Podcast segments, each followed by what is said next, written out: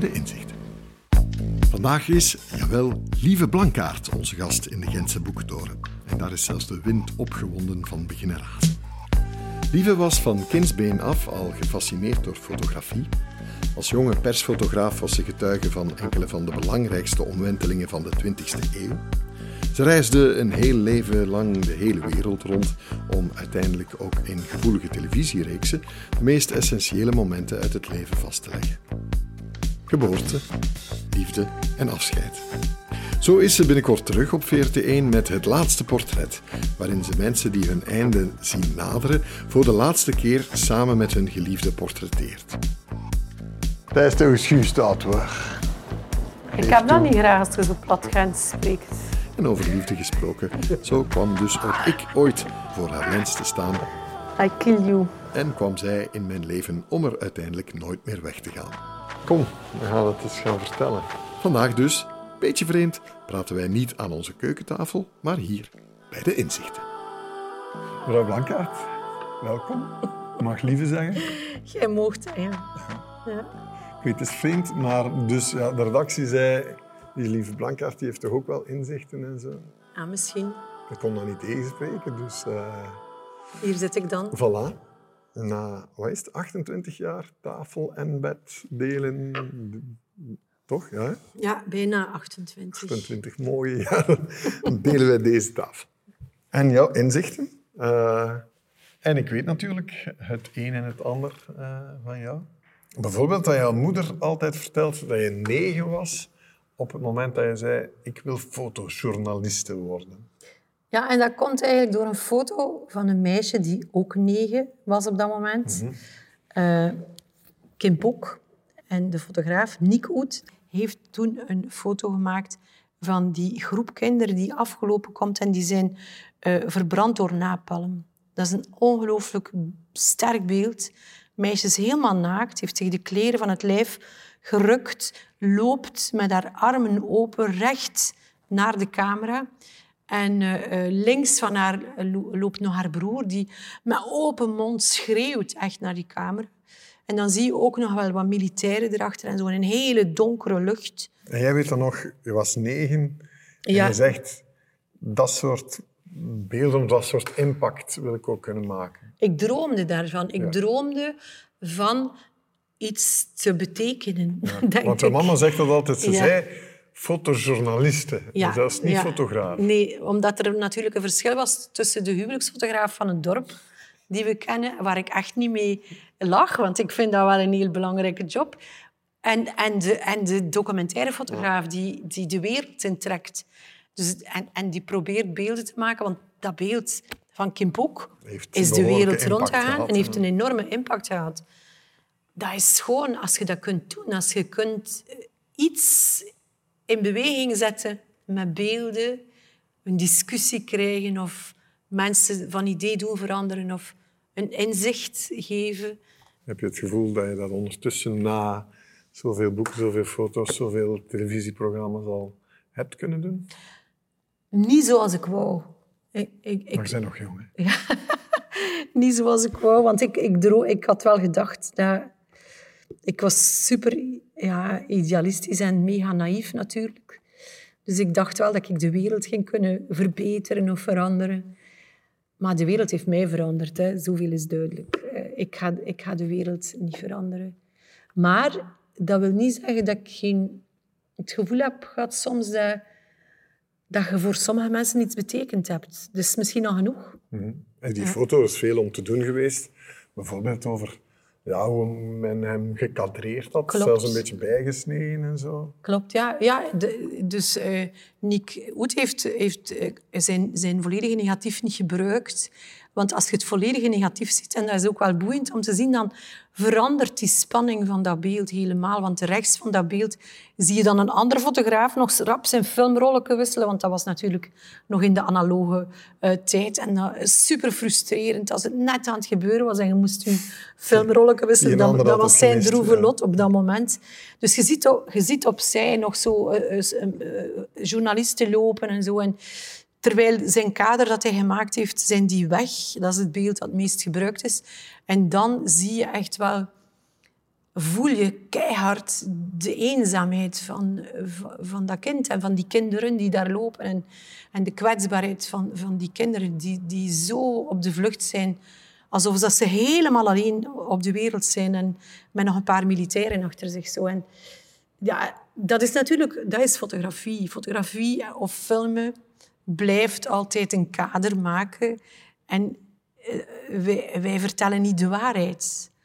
Allee, je probeert dat zoveel mogelijk te benaderen, maar je maakt sowieso een kader. Dus mm. als ik nu dit kader maak, ja, dan, dan zien we al die mensen hier rond ook niet. Allee, de mensen die nu kijken naar dit programma zien ook niet wie dat er hier nog allemaal staat. Dus wij, wij maken altijd een verhaal en, een, en, en, en, en op zich vind ik dat wel mooi. Op zich vind ik dat, vind ik dat idee dat, dat je twintig fotografen hebt die allemaal wel iets kunnen, die allemaal ook op een andere manier gaan kijken, vanuit hun hoofd kijken en vanuit hun denken kijken en van eh, het verhaal zoeken dat zij willen maken. Hmm. Het interessante is wel, je bent dan televisie gaan maken enzovoort, maar dat eigenlijk toch fotografie ja, ja stil is gebleven, ja, ja, kernberoep of zo, en dat het ook eh, zo krachtig is gebleven, zelfs binnen de wereld van, van social media en filmpjes en, en reels en zoveel bewegend beeld dat op ons afkomt, dat, dat stilstaand beeld.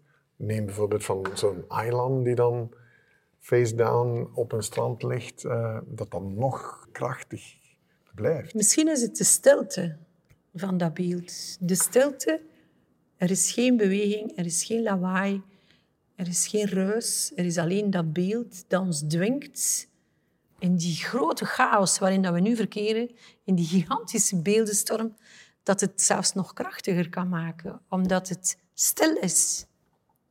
Niets is mooier dan stilte.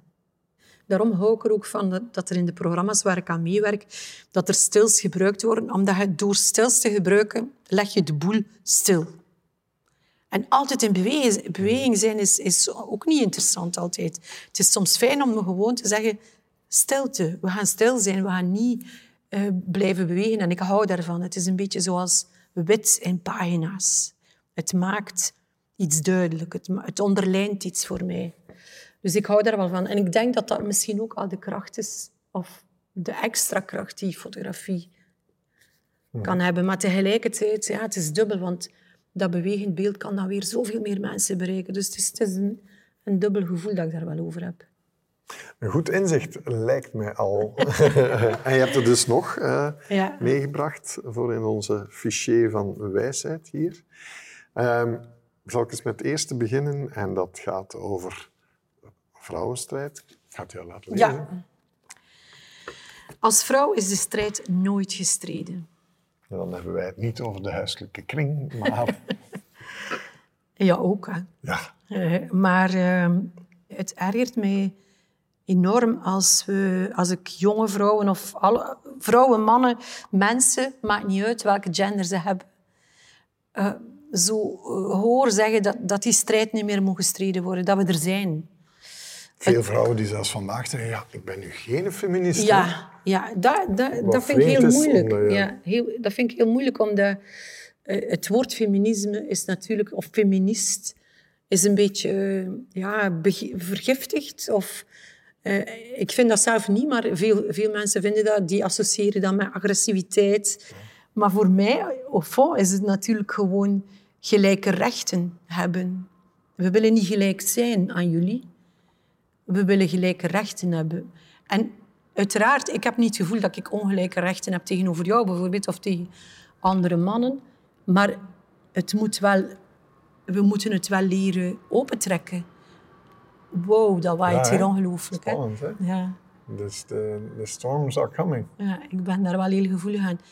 Maar elke plek op de wereld, elk continent, elk, elk land, elke cultuur, elke godsdienst heeft zijn eigen geschiedenis en zijn eigen evolutie. En je voelt aan alles wat er gebeurt vandaag ook, dat we, dat we heel erg moeten opletten en heel erg moeten rekening houden met elkaar. En daarom denk ik dat die strijd nooit gestreden zal zijn. Precies, want je hebt het natuurlijk wel een beetje uitgezocht. Hè? Afghanistan, eh, plekken in Afrika waar je allemaal bent geweest. Maar toch, in, in jouw eigen carrière bijvoorbeeld, als, als jonge fotograaf, voelde je dat toch ook al? Ja, heel erg. Ik vond het heel schokkend om te beginnen als fotograaf. Toen ik, ik ben begonnen op mijn 21 als freelancer. En ik, ik kreeg echt soms regelrecht van mannelijke collega's uh, in mijn gezicht de opmerking dat het niet over de kwaliteit van mijn beelden ging, waarom ik job had, maar wel... Omdat je zo'n stuk waard. dat heb jij gezegd. Omdat ik blond ben en borsten heb. Snap je? Letterlijk werd het zo gezegd. Ondertussen ben ik grijs en heb ik ook nog altijd borsten en ik werk nog altijd. Maar als ik heel eerlijk ben, dat, nekt u een beetje. Zo, dat, maakt u, dat maakt u toch een beetje kleiner. Zo. En, en heb precies het gevoel van, ik moet hier tien keer meer mijn best doen nog. Om te bewijzen dat ik het kan. Ehm, eh, en of, of dat ik ook iets kan. Ja. Even verder over fotografie, want daarover neem ik aan gaat het uh, tweede inzicht. Hè? Mooie citaat uit De Avonden van Van Treven. Ja. Het is gezien, het is niet onopgemerkt gebleven. De definitie van, van fotografie op een bepaalde manier? Ik denk dat het belangrijk is om de dingen te zien ja, en om, om, om gezien te worden. Als er een probleem zich stelt, dan is het belangrijk om iets te zien. Voor mij een goed voorbeeld daarvan en, en, en, en een herinnering ook aan het is lang geleden, Rwanda. Uh, en uh, ik was daar naartoe gaan op het einde van de genocide. Zo. Dat was zo in de uitlopers. En ik liep in een straat, ergens in een dorp. Ik kan me nu niet meer exact plaats herinneren. Klein dorpje. En uh, ik had die camera rond mijn nek natuurlijk. Dus herkenbaar als wit fotograaf buitenland. Ik moest daar niks bij vertellen. En er komt een oude man naar mij toe. En ik was mijn journaliste van KNAK, denk ik. En die man die, die neemt mij mee naar hem. Die, lokte mij eigenlijk bijna mee. Die zegt, kom, ik wil u iets tonen, ik wil iets tonen. Maar we konden elkaar echt heel moeilijk verstaan. En hij neemt mij bijna bij de hand mee en we lopen naar een plaats, naar een veld waar allemaal gebouwen in stonden. Dat bleek een school te zijn, zo'n typische Afrikaanse school in de velden. En uh, een hele mooie plek, zo leek het dan wel. En dan stapte ik daar binnen en ik kwam dichter en dichter en dichter bij die gebouwen en ik rook letterlijk de dood. En ik wist natuurlijk, we waren daar voor de genocide, dus we wisten dat daar uh, doden gingen liggen, dat we dat gingen te zien krijgen. Dus die man die, uh, die duwde mij echt bijna uh, in die school binnen. En hij vertelde toen, hij smeekte mij bijna, en dat was heel, heel, emotioneel moment, vond ik. Hij, hij, vroeg, hij vroeg mij om al die klaslokalen te fotograferen. Het hele dorp was samengebracht. En ze hadden al die mensen kapot gemaakt en in een massagraf gegooid. En hij met zijn paar oude vrienden hebben dat graf opengelegd en hebben al die lichamen daaruit gehaald. En in die klaslokalen lagen die dan netjes naast elkaar gesorteerd. En hij ging daar elke dag uh, gebluste kalk over gooien om die lichamen te bewaren. Als bewijs. En want dat zei hij. Als ik, ja, als, als niemand het ziet, wat er, als, als ze dit, die lijken niet zien, als je het niet fotografeert, als je het niet filmt, als het niet ge, vastgelegd is, is het niet gebeurd. Ja. Er kan vandaag nog altijd veel onrecht gebeuren, omdat we het niet zien, omdat het achter de gevels gebeurt en niemand heeft het gezien. Dus ik voelde toen ook echt heel erg zo ja, dat is ook mijn taak om dat nu te doen. Ik ga dat nu doen. Ik ga al die... Het waren 70 klaslokalen. 70 klaslokalen en, en ik heb ze toen, denk ik, allemaal... Uh, ik heb toen voor, voor dit boek ook het minst gruwelijke beeld gekozen, omdat ik vond dat het ook iets vormelijk kreeg. Zo. Zo, heb ik er, zo, zo ben ik er ook naar... van Berlinde de Bruiker kunnen ah, wel, Ja, zo ben ik er beginnen naar... Het is ook, het is ook dat, want dat je zit daar heel dichtbij. Bij, bij die vormen van die lichamen. Je ziet nog bijna de schreeuw zitten in de monden van... Uh... Ik weet nog dat je toen bijvoorbeeld ook vrouwen bent gaan fotograferen, zowel Hutu als Tutsi-vrouwen, ja. die dan moesten gaan samenwerken, want ja, de mannen waren dood en de oogst moest nog binnen. Ja, die vrouwen die waren altijd als, die, die woonden samen in het dorp. De mannen waren eigenlijk allemaal vertrokken uit het dorp of waren dood of verdwenen. Heel veel kinderen waren gestorven. Maar toen kwamen ze wel tot de conclusie, ja, als wij nu niet samen gaan werken, dan gaan wij allemaal verhongeren. Ja. Dus wij moeten ook nog een keer het graan binnenhalen en we moeten ook nog wel zorgen dat er eten is enzovoort. Dus ze zijn terug met elkaar moeten beginnen praten en en niet vechten. Dus de mens heeft moeten verder doen in dat systeem. En ik herinner me nog dat ze eigenlijk niet konden uitleggen wat er, waarom dat ze elkaar de kop hadden ingeslagen. Ze zeiden van, ja, we weten het niet goed. We zijn bang gemaakt. En angst, dat is ook een van de dingen dat ik mij toen zo hard gerealiseerd heb. En waar we zo hard moeten voor opletten. Ja, Angstinductie kan ons zo gevaarlijk maken. Hoe gruwelijk ook. Een mens is bevoorrecht om, om geschiedenis te mogen meemaken. En ik weet dat wat dat betreft dit moment en deze foto natuurlijk voor jou ook echt heel belangrijk is geweest. eh. Ja, want het is eigenlijk helemaal geen goede foto. Hè. Echt niet, ja. Het is gewoon een belangrijk moment. De dag daarvoor is de muur gevallen. En ik was per toeval in Oost-Berlijn. Dus ik weet nog zeer goed, ik reed met mijn oude Volvo Oost-Berlijn binnen. En ik zie zo allemaal mensen op straat lopen. Maar zo vreemd, want Oost-Berlijn, ik was daar wel al regelmatig geweest, was altijd voor mij een soort grijze, wat, iets wat dode stad, toch wel? En, en ineens allemaal mensen met kinderen en die liepen allemaal in die richting van de muur. En ik kom aan aan de afspraakplaats waar ik was afgesproken met de journalist en die, die zegt, ja, weet je wat er nu gebeurd is? De muur is gevallen. Huh? Wat iedereen had gezegd dat nooit kon gebeuren. Ja, ik weet nog dat de dag daarvoor ik een telefoongesprek had met iemand en we hadden het over eh, de situatie en over Oost-Berlijn en over, over dat hele Oostblok. En, eh, en die persoon, die dus echt wel iemand was die het kende, die zei, wij gaan dat niet meer meemaken in ons leven. Dus zo onvoorspelbaar was dat moment. En plots gebeurde dat. En dat was zo schoon. Dat was zo intens. En, en, en zo'n soort, ja... ehm, ik, ik, ik had al mijn geloof in, in, in, in, in kunnen samen zijn. Op een goede manier. Vredevol, liefdevol. Als één continent samen dit doen. Was er op dat moment. Dat, dat is echt... eh, Dat is een beetje de reden geweest waarom dat je dan dat, dat Europa-project Ja. nu bent bezig ben. Ja. Ik heb daar zo echt dat Europa-gevoel gevoeld, wat het betekende om deel te zijn van die groep. En niet een, een, een Belg of een Duitser, of maar, maar we zijn samen dit, dit aan het doen. waren Ja. wij Europeanen. Wij waren Europeanen en wij zijn dat. En, en dat gevoel is mij altijd ehm, bijgebleven. Maar natuurlijk, ik was toen 26 jaar. Wij hebben een dochter die nu 26 jaar is. Dat is ook vreemd natuurlijk, dat je, dat je beseft van... En weet hoe kwetsbaar dat het ook is. Die tijd is niet zo lang geleden. En toch is er weer al zoveel gebeurd. We hebben Ja, de, oorlog in, zijn alweer onze ja, we hebben die oorlog in Oekraïne, we hebben eh, heel veel klimaatproblemen, we hebben migratiestroom die, die heel dat continent weer in een soort ander patchwork verandert met, met zoveel complicaties. Dus de fragiliteit van dat, van, van dat continent is zo, zo voelbaar. En ik wou wel kijken, gaan kijken van wat laten we nu achter.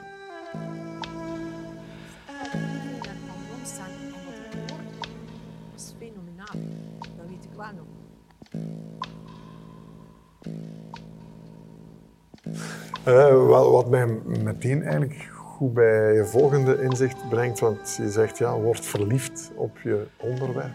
Eh, dat heb ik ook ooit eens meegemaakt. ik. Denk dat het onderwerp toen ook verliefd werd op jou, maar dat is niet waar we het hier over gingen hebben. Nee, dat is te intiem.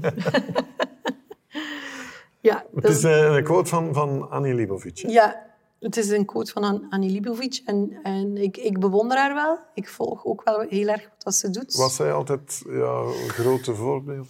Beetje wel. Ik, ik, ik vind ook alle fasen dat ze doorlopen heeft. Van, van, van, de, van die rockfotografen tot eh de echt fashion. En, eh, en, en dat enorm gestileerd werken en zo. Ik hou daar ook wel van. En ik kijk, daar wel, naar- ik kijk echt wel hoe, hoe dat zij werkt. Ja. Ja, en ze zegt, a thing that you see in my pictures is that I was not afraid to fall in love with these people. is superbelangrijk. Je moet van de mensen houden. Zelfs al kun je het je niet voorstellen dat je er ooit zou van houden. Maar het is wel zo dat je, je moet toenadering durven eh, zoeken. En, en ze benaderen en er dichtbij gaan en Ja. ze Dat is iets durven aanraken. Wat ik jou hoor zeggen tegen jonge fotografen en zo van, ga dichter. Smijt je telelens weg en, en maak contact. Als, de, als je daar de kans toe krijgt natuurlijk. En als je inderdaad in die intimiteit wilt komen van mensen, dan, dan denk ik dat het heel belangrijk is om je comfortabel te voelen als fotograaf, maar ook als degene waarin je, waarbinnen je stapt. En de grootste uitdaging voor jonge fotografen en voor mijzelf was ook zo en nog steeds. Om dat te durven. Is u comfortabel voelen, u vrij voelen met die camera, u, u blij voelen dat je daar mocht zijn, u, u mogen fotograferen, mogen bewegen in die ruimte, mogen dichtkomen. En daarom vind ik het telelenzen... Ja, ik, dat is goed voor een leeuw die u gaat proberen aanvallen of zo. Of, maar voor mensen moeten dat niet doen, vind ik. Eh, tenzij dat, dat je in een oorlog zit of zo. En, maar dan, dan is er weer een ander systeem dat, mm. dat daar werkt. Maar de mens op zich, ga dichtbij. Ga dicht. Als je niet dicht bent geweest, zijn er voor mij ook niet echt bij geweest. Het voorrecht ook van een fotograaf, en ja, bij uitbreiding alle fotografen van vroeger en, en zeker nu, dat je erbij mag zijn bij de last days, bij de wedding days en bij de birthdays jullie hebben dat voorrecht van op die, die echt uh, hevige momenten in mensen hun leven te verschijnen. Ja, dat, dat is super. Hè? Als je, als je um, zoals ik daarvoor gekozen heb, om, om dan... Ik, ik vind dat altijd echt een groot geschenk om te mogen bij, uh, bij bevallingen zijn, om te mogen bij momenten zijn dat mensen kiezen voor elkaar. De meest intieme momenten, mensen die afscheid nemen. Ik hou enorm van de intensiteit van die momenten dat is zo'n geschenk om te mogen doen. En één ding heb ik zeer goed onthouden en, en, en, en, en ontzettend veel van geleerd. En dat was een vrouw in de kibbutz, een, een vroedvrouw in, uh, in Israël, een Joodse, in, in, in de kibbutz. Een hele warme vrouw. En, uh, en, en zij vertelde mij toen... Uh, ze keek naar haar eigen handen en ze zei... Ik heb een ongelooflijk voorrecht. Ik mag de mens voor de allereerste keer aanraken. Ik had daar nog nooit bij stilgestaan dat er iemand u voor de allereerste keer heeft aangeraakt. En zij zei, dat is de belangrijkste aanraking in uw leven. Want dat is uw vertrekpunt, dat is uw, uw, uw wereld. Je komt uit die warme buik van uw moeder, je komt in de wereld en dan is er iemand die u aanraakt. Die aanraking moet de meest bewuste zijn ooit. En meest liefdevol. Ik vond dat zo ontroerend. En natuurlijk weet ik niet wie dat er mij en hoe ik ben aangeraakt. Maar, maar het spreekt voor zich natuurlijk. En toen ik dan Last Days maakte en de hele cyclus rond was voor mij, en ook mensen uit mijn eigen omgeving heb zien vertrekken, heb ik mij echt wel gerealiseerd dat, dat niet alleen die eerste aanraking superbelangrijk is, maar als je de kans hebt om liefdevol weg te gaan van dit leven, ja, dan is, dan is uw leven toch wel heel erg vol en mooi en liefdevol geweest. Dat is toch prachtig. Als je die cirkel kunt maken van in het leven komen met, met, met, met liefde en eruit gaan. Ja, super.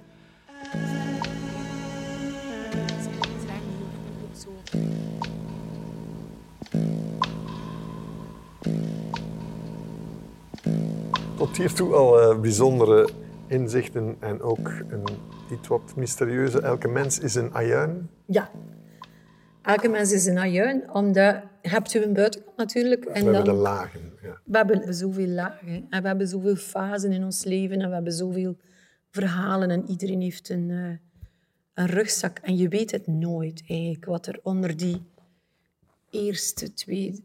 Het mysterie van mensen is, is fascinerend, vind ik. Wij zitten vol met vooroordelen. Wij zijn een vat vol met vooroordelen en angsten. En, ja, dat is, eh, en wij identificeren ons met de mensen die we het best herkennen en, en die, die er zelfs vestimentair op ons gelijken enzovoort. Dus dat, dat vinden wij makkelijk.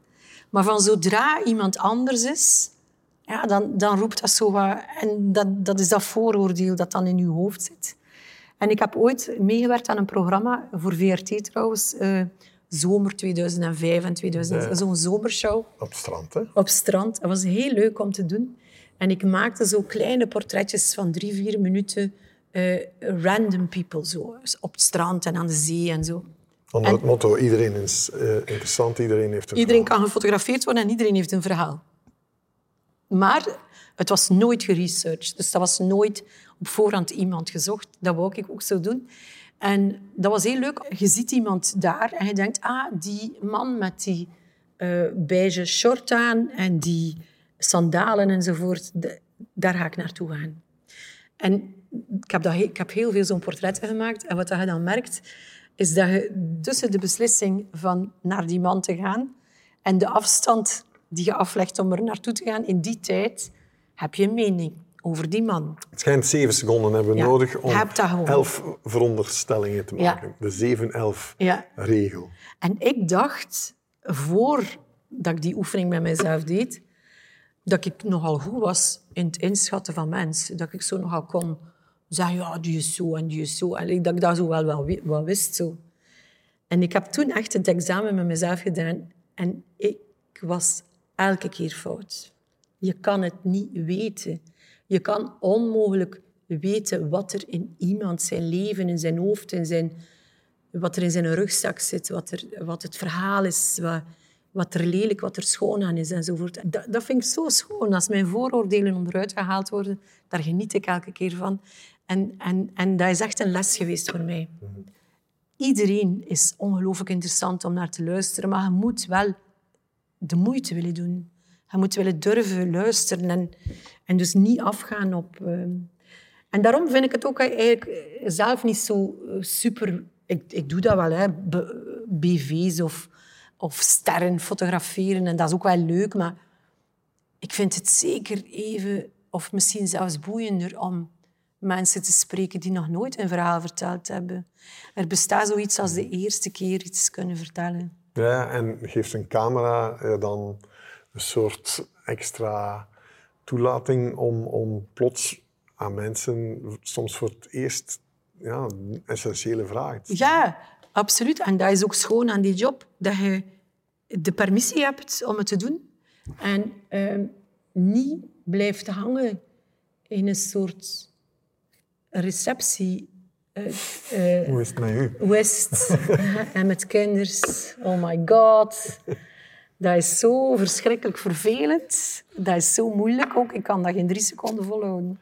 De kinders. Ehm, De daar, daar kinders. heb je ook nog eens een eh, inzicht over. En ik, ik weet waar het vandaan komt. Ja. Je kinderen zijn je kinderen niet. Ja, het is, het is, het is van, blijkbaar van een of andere belangrijke dichter. Het is van Khalil Gibran. Ken ik niet. dichter. Enfin, maar ik, het is van uw ma voor mij. Ik was pas, bevallen, denk ik, van Marta. Toen eh, uw mama zei... eh, uw kinderen zijn uw kinderen niet. En ik dacht... Pardon. Dit is meteen duidelijk. Maar ik heb dat wel altijd bijgehouden. En ik vind dat ook echt heel schoon. Omdat... Maar bij uitbreiding, geen enkele mens is uw mens. Eh, Je bezit niemand. En de liefde is pas loslaten. En dat is ook zo naar uw kinderen toe, vind ik. Je, je kunt niet uw kind eh, van, beschouwen als uw bezit. Eh, ik denk dat uw kinderen veel meer de ouders als hun bezit mogen zien, want die kinderen hebben er ook niet voor gekozen om hier te zijn. Dus je hebt wel als de ouder een enorme verantwoordelijkheid, maar ik heb niet het gevoel dat die kinderen zo'n verantwoordelijkheid moeten hebben naar ons toe. In dat gedicht is, is het beeld eigenlijk dat wij ze met bogen afschieten, liefst zo ver en, en zo in de juiste richting mogelijk. Ehm, en daarna, het, het eh, gedicht gaat verder, zijn zij de zonen en dochters van levens hunkering naar zichzelf. Zij komen door je, maar zijn niet van je. En hoewel ze bij je zijn, behoren ze je niet toe. Dat is waar. Ja. Ik denk dat dat heel, eh, een hele erg sterke les is eh, als je kinderen wilt. Dat je altijd moet weten dat, ze ook, dat je ze niet kunt bezitten. Dat ze niet van jou zijn, maar dat je wel een enorme verantwoordelijkheid hebt om, om die boog zo mooi mogelijk af te schieten. Zeker weten. Maar ik zie dat ook in, in, eh, in, in bijvoorbeeld onze relatie. Hè. Wij zitten hier alsof ik in de gevangenis zit tegenover elkaar, maar ik voel me niet gevangen en ik denk ook wel En dat in de gevangenis ben ik dan de rechercheur of, of de... Ja, je bent mijn advocaat. Ik Een heb iemand vermoord, dat is duidelijk. Ah, ja. En, ehm, Maar niet je man, gelukkig. nee. Of misschien... liefde kan zo verstikkend zijn, maar voor mij is dat dan geen liefde. Voor mij is dat egoïsme. Ik durf dat bijna niet zeggen, want ik weet dat ik daar commentaar ga op krijgen, maar ik denk als je elkaar niet kunt laten leven in alles en loslaten, dan is het voor mij geen liefde. dan is het gewoon puur bezit. Lelijk. Ik ben daar ook heel allergisch aan. Ja, ja, nee, ik weet het. Uh,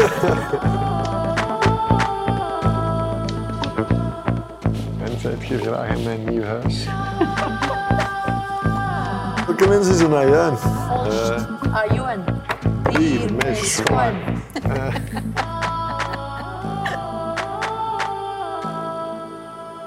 nog eens iets uh, waar je vaak mee bezig bent, want iedereen is van, ja, lieve, je bent 60 geworden, Ja. hè, nu al heel eventjes.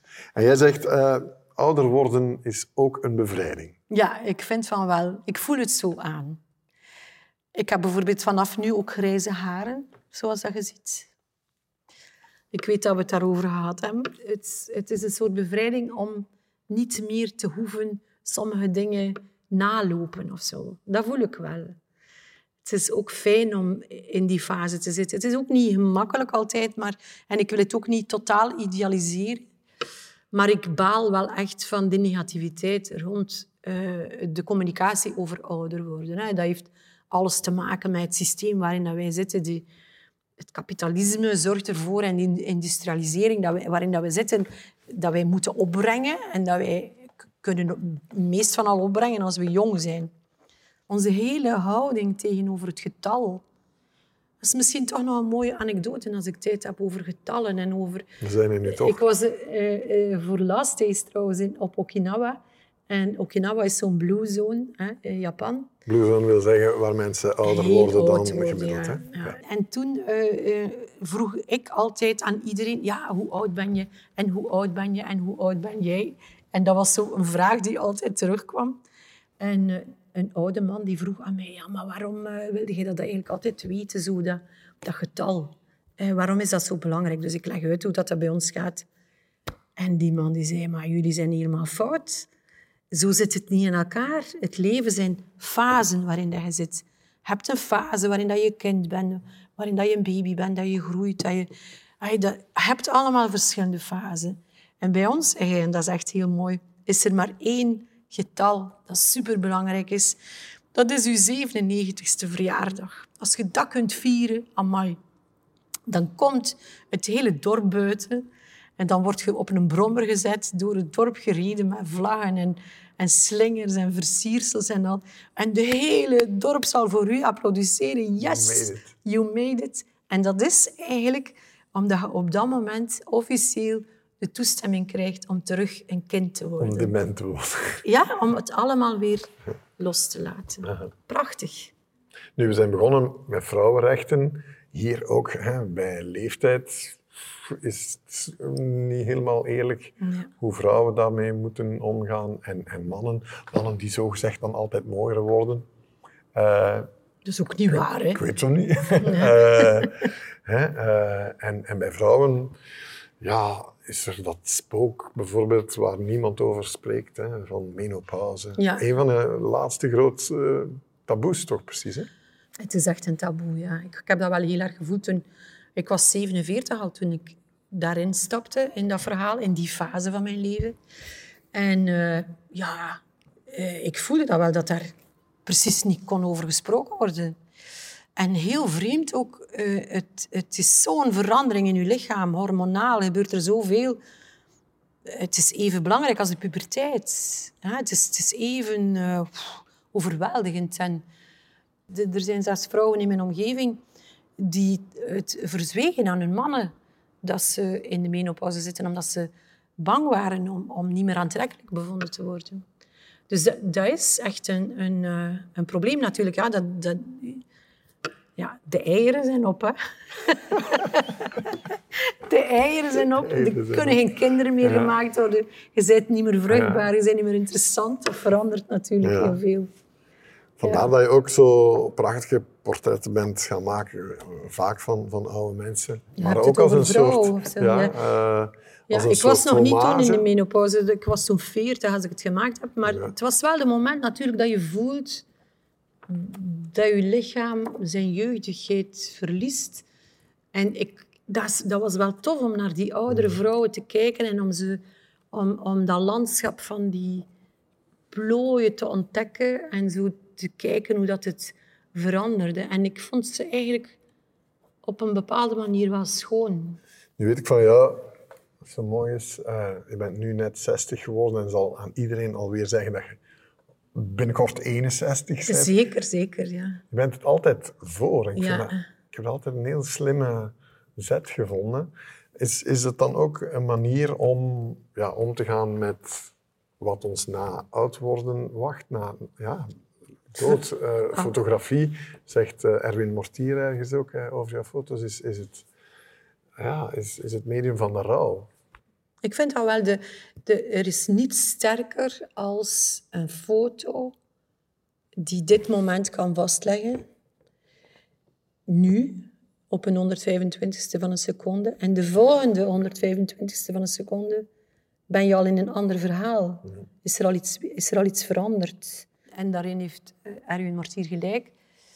Het is afs- afscheid nemen. Elke keer, het is van de tijd afscheid nemen en op een bepaald moment ook van het leven. Nu heb je in het laatste portret, een van de laatste programma's die we met jou hebben gezien, ja, dat ook wel echt tot, tot het hevigste durven uitpuren met de hele familie. Ja. Afscheid nemen van iemand die weet dat die moet gaan. Ja, Is het een, een, een manier om op een andere manier naar, naar dood en afscheid te beginnen kijken? Eindelijk op een misschien wat volwassener wijze?